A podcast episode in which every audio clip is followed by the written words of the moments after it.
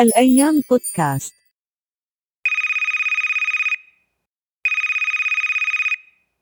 ألو؟ ألو هدى؟ إيه عمتي أهلين كيفك؟ تمام الحمد لله ماشي الحال. لك بنتي ما مشي حالك لسه هي هي علينا عمتي. كل مرة نفس السيرة والله مليت. يعني لإمتى بدك تضلي هيك لك عمتي؟ بدنا نطمن عليكي. صرتي بحيطان 30 بكرة ما حدا بياخدك. مو لكون أنا مقررة أتجوز أصلا؟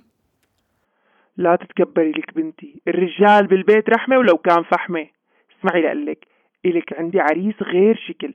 ابن أخوه لجارتي بألمانيا تركوا بعضهم هو ومرته. الأولاد هلأ مع أمهم. الرجال عم يخطب. أنا قلت شو رأيك؟ ومتجوز كمان؟ أف. آخر همي هالقصص يا عمتي. على كل حال أنا مشغولة هلأ. بحكي معك مرة تانية. يا ربي. شو قصتهم هالبنات؟ والله لما كنت قدها كان عندي كومة أولاد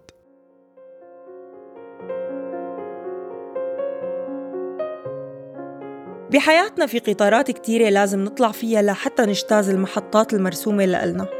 قطار الدراسة، قطار العمل، قطار المستوى المعيشي مثل الفقر والغنى، قطار المرتبة الاجتماعية والثقافية مثل المكانة العالية بالمجتمع أو إنك تكون إنسان عادي.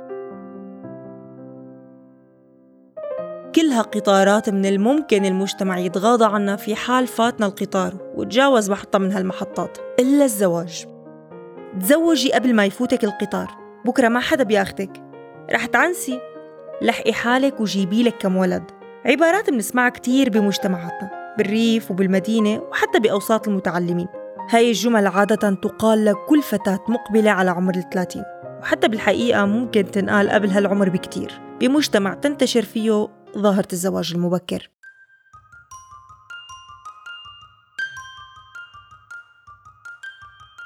مجتمعنا بيحمل على عاتقه حمل زواج كل شخص ذكر كان أم أنثى تأخر زواجه. هالشي فينا نعتبره طبيعي إذا اعتبرنا أنه استمرار الحياة والتكاثر على هي الأرض كان ولا زال من أولويات البشر. لكن اللي مو طبيعي استخدام هالمجتمع لمصطلح دوني مثل العنوسة والتمييز باستخدامه بين الذكر والأنثى.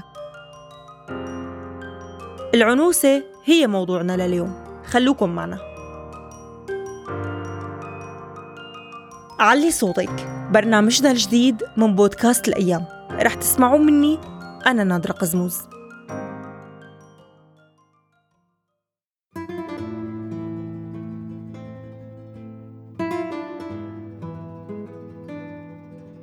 العنوسة لغوياً هي المرأة التي تأخرت بالسن ولم تتزوج. مذكرها عانس وهو الرجل الذي كبر بالسن ولم يتزوج. تحديد هذا السن بيختلف من مجتمع لآخر وحتى من عيلة لأخرى. أحيانا بيكون سن تأخر الزواج فوق العشرين وأحيانا بيكون فوق الخمسة وعشرين وأحيانا ببعض المناطق بيكون فوق الثلاثين. هذا المصطلح مثل ما حكينا يستخدم للرجل والمرأة على حد سواء لكن مجتمعنا حيد الرجل اللي ما بيعيبه شي وأكرم المرأة كالعادة بهاللقب. لهيك كتير قليل لتسمع كلمة رجل عانس إلا بحالات المزاح. لكن بالمقابل كانت المرأة صاحبة النصيب الأوفر من هي الكلمة دون التفكير بالتبعيات النفسية اللي ممكن يسبب لها هيك وصف. هالكلمة قاسية جدا بحق المرأة وما بتخيل أبدا امرأة بتتمنى بلحظة من اللحظات أنه تسمعها.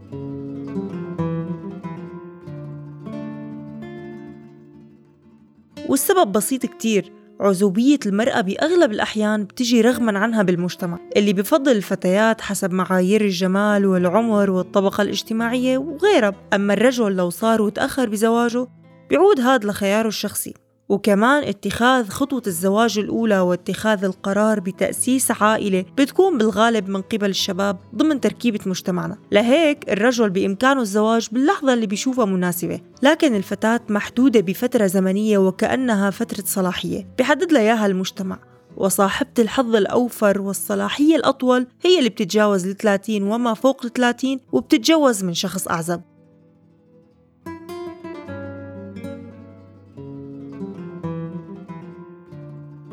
مع الأسف معايير مجتمعنا للزواج متناسبة جدا مع مقدار التخلف اللي عم بتعيشه بلداننا ومتناسبة عكسا مع مفاهيم الحداثة والمدنية. بعض الشباب بيعول على أمه بإيجاد العروس المناسبة. لهيك بيكون القرار في هي الزيجات تابع للأم. من الممكن إنه الأم ترفض الزواج بين ابنها والفتاة اللي بيحبها بس لأنه مو شايفتها بتلبق مع ابنها. طبعا بتبقى حالات وليست معممة.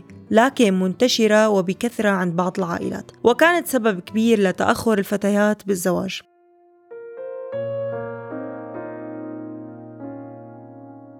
بالمقابل أحيانا أهالي بعض الفتيات بيرفضوا تزويج فتياتهم لأنه ما شافوا بالشاب الخاطب الكفاءة والتناسب مع بنتهم. أما بالنسبة لأهم أسباب تأخر الزواج هو غلاء المهور.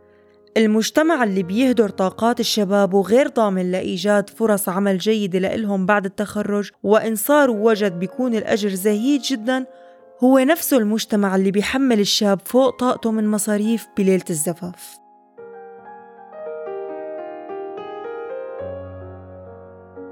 السبب المهم والأكثر جدلا هو انتشار ظاهرة الزواج المبكر ورغبة أغلب الشباب بالارتباط بفتاة صغيرة من مبدأ بربيها على إيدي. أما الفتيات اللي تخطوا هي الفترة فبتقل فرصتهم بالزواج لأنه صارت ناضجة وواعية وبالتالي صار من الصعب السيطرة عليها حسب زعمهم.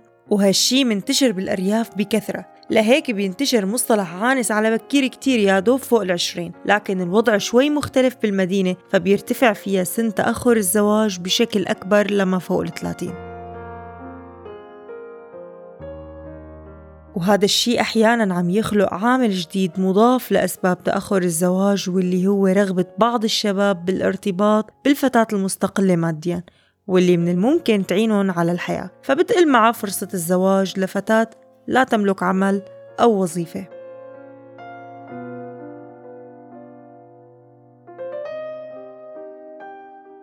بعض العوامل النفسية بتلعب دورها بانتشار ظاهرة تأخر الزواج. مثل خوف الرجل أو المرأة من الإقبال على علاقة زواج فاشلة أو أحيانا التمسك بصورة مثالية عن الشريك المستقبلي لا يمكن التغاضي عن أي تفصيل من هي الصورة. أيضا من شأن العلاقات العاطفية الصادمة لشخص ما أنه تشكل عنده ردة فعل قاسية يعزف عن الزواج بكليته.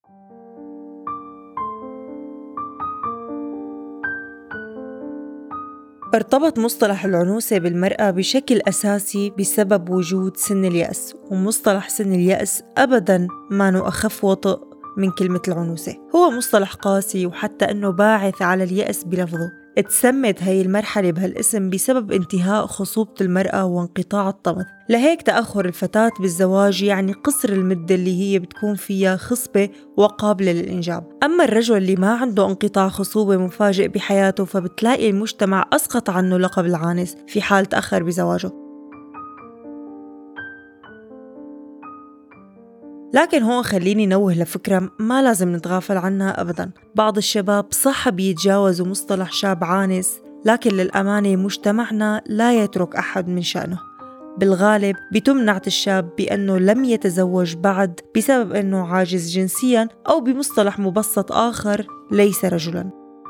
يعني بالحقيقة ما حدا خلصان.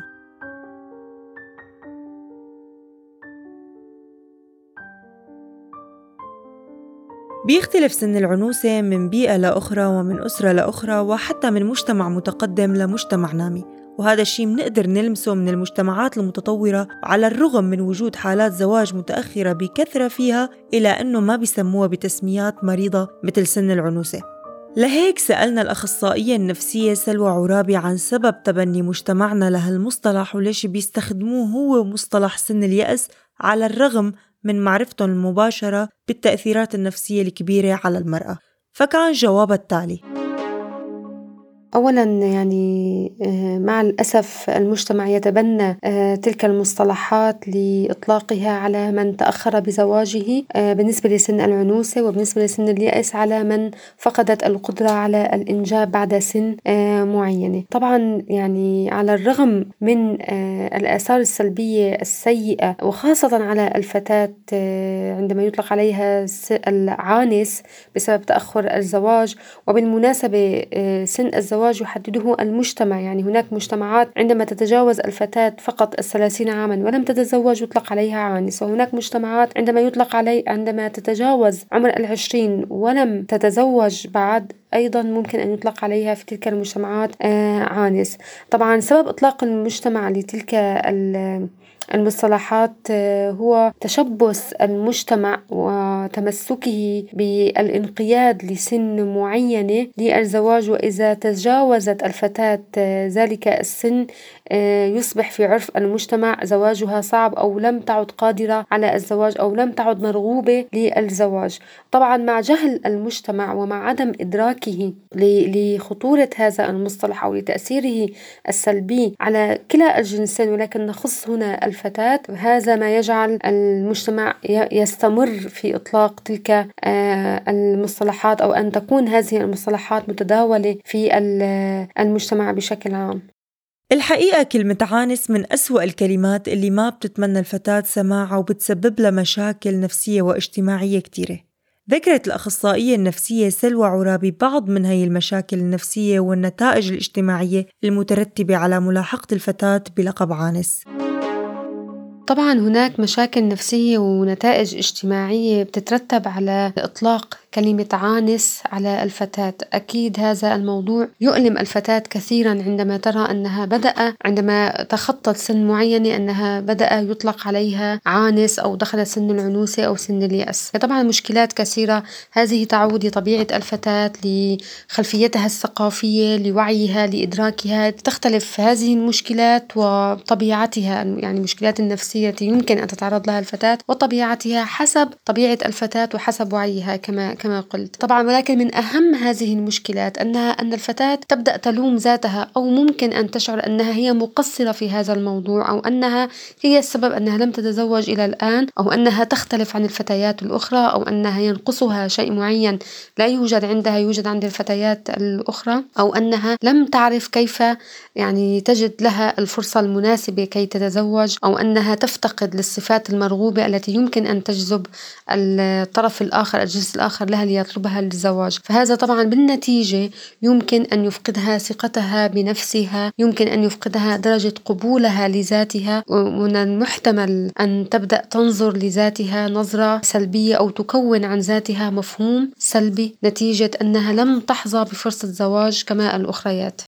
يوم عن يوم عم بتزيد بمجتمعاتنا حالات الفتيات العازبات والمتأخرات بسن الزواج وحتى الشباب أيضا. مثلا احتلت لبنان المرتبة الأولى بمعدل 85% ومن بعد الإمارات بمعدل 75% وما كتير اختلف الوضع بالنسبة لسوريا والعراق اللي كانت النسبة فيهم 70% زيادة هي النسب بشكل كبير كان لأسباب كتيرة. منها والله حقيقة أسباب زيادة نسبة العازبات أو المتأخرات بسن الزواج. طبعا من الجنسين أسباب عديدة. وخاصة في وطننا العربي. وبالأخص في البلدان العربية التي عانت من الحروب وعانت من ربما بعض المشاكل أو الضائقة الاقتصادية. طبعا الأسباب كما قلت كثيرة جدا ولكن أهم أولا صعوبات الحياة متطلبات الحياة الكثيرة. لم يعد يستطع الشاب تأمين مستوى مقبول من الحياة أو من الوضع الاقتصادي الذي يمكنه من تكوين أسرة وتأمين نفقات هذه الأسرة. أيضا حصول الفتاة على مستوى جيد جيد عموما من التعليم فثقافة الفتاة وتعلمها هذا يعطيها آه، نوع من آه، القدرة أو التمكين. الفتاة بشكل عام عندما تتعلم وتصبح في درجة ثقاف يعني بدرجة ثقافية مقبولة تبدأ لا تقبل بالمعايير التي يضعها المجتمع مسبقا المعايير التي تضبط التعامل الزوجي مع زوجها ودور الزوج في الحياة ودور المرأة بشكل عام. آه، تبدأ تبحث عن ذاتها ومكانتها وتبحث عن الزواج. لا, لا نقول المثالي ولكن الزواج كما يجب أن يكون أو الزواج الناجح. أيضا الحروب والنزوح اللجوء آه هذا زاد من صعوبات الزواج وساهم كثيرا في تأخر سن الزواج عند الشباب وعند البنات. معلوم أن اللجوء لجوء الناس لبلدان مختلفة وصعوبة التعرف على أناس جدد أو ممكن يعني الزواج بالنهاية يحتاج آه إلى معرفة الطرفين لبعضهم. الآخر معرفة جيدة وأحيانا معرفة العائلات. في الحروب آه بسبب النزوح واللجوء فقدت الناس الناس القدرة على التعرف على بعضها بشكل جيد مما زاد من نسبة الخوف والقلق عند الاختيار.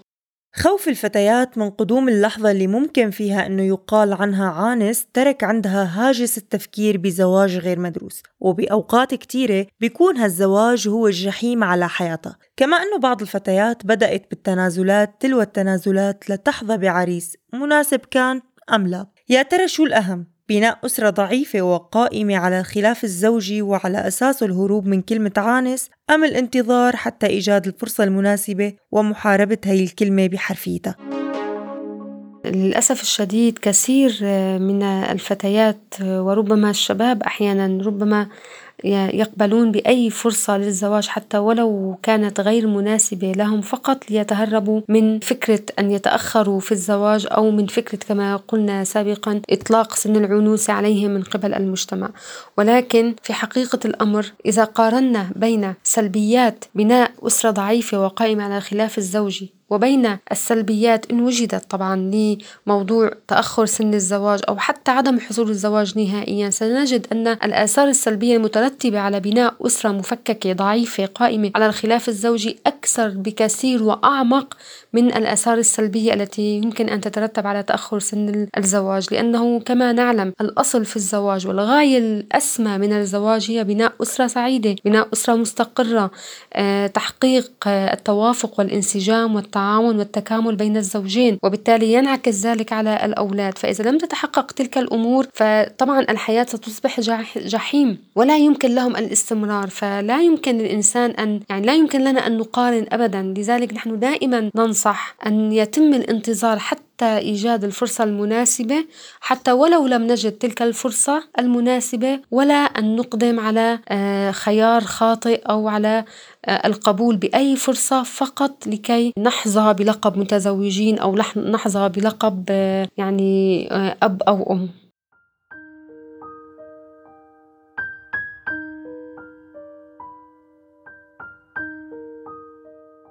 الزواج بمجتمعنا أخذ أهمية كبيرة لدرجة الإنقاص من قدر المرأة الغير متزوجة وإطلاق عليها هاي التسميات اللي أقل ما يقال عنها قاسية وظالمة. كما أنه عزز عند المرأة أهمية وجود الرجل بجانبها حتى لو لم تكن على رغبة فيه ودون الالتفات لمستواه الأخلاقي اللي بيكون سبب كبير لكتير من المشاكل الزوجية اللاحقة. فبتلاقي عبارات تشجيع على الزواج بمجتمعاتنا متراوحة بين ظل راجل ولا ظل حيطة أو الرجال بالبيت رحمة لو كان فحمة. لا يوجد نص قانوني أو شرعي يحدد سن أعلى للزواج. لهيك من حق الجميع تشكيل أسرهم باللحظة اللي هن بيشوفوها مناسبة. وغير مهم أبدا نفكر عنهم ونرمي كلمات مؤذية بحقهم. وبكتير من الأحيان نجعل أيامهم حزينة ونفسيتهم سيئة. وما تجرب ولو للحظة تحسسه بشعور الشفقة صدقني كتير من الأحيان بيكون هو أو هي عم يشفقوا عليك. لهيك كل حدا يقرر عن نفسه نمط الحياة اللي اختارها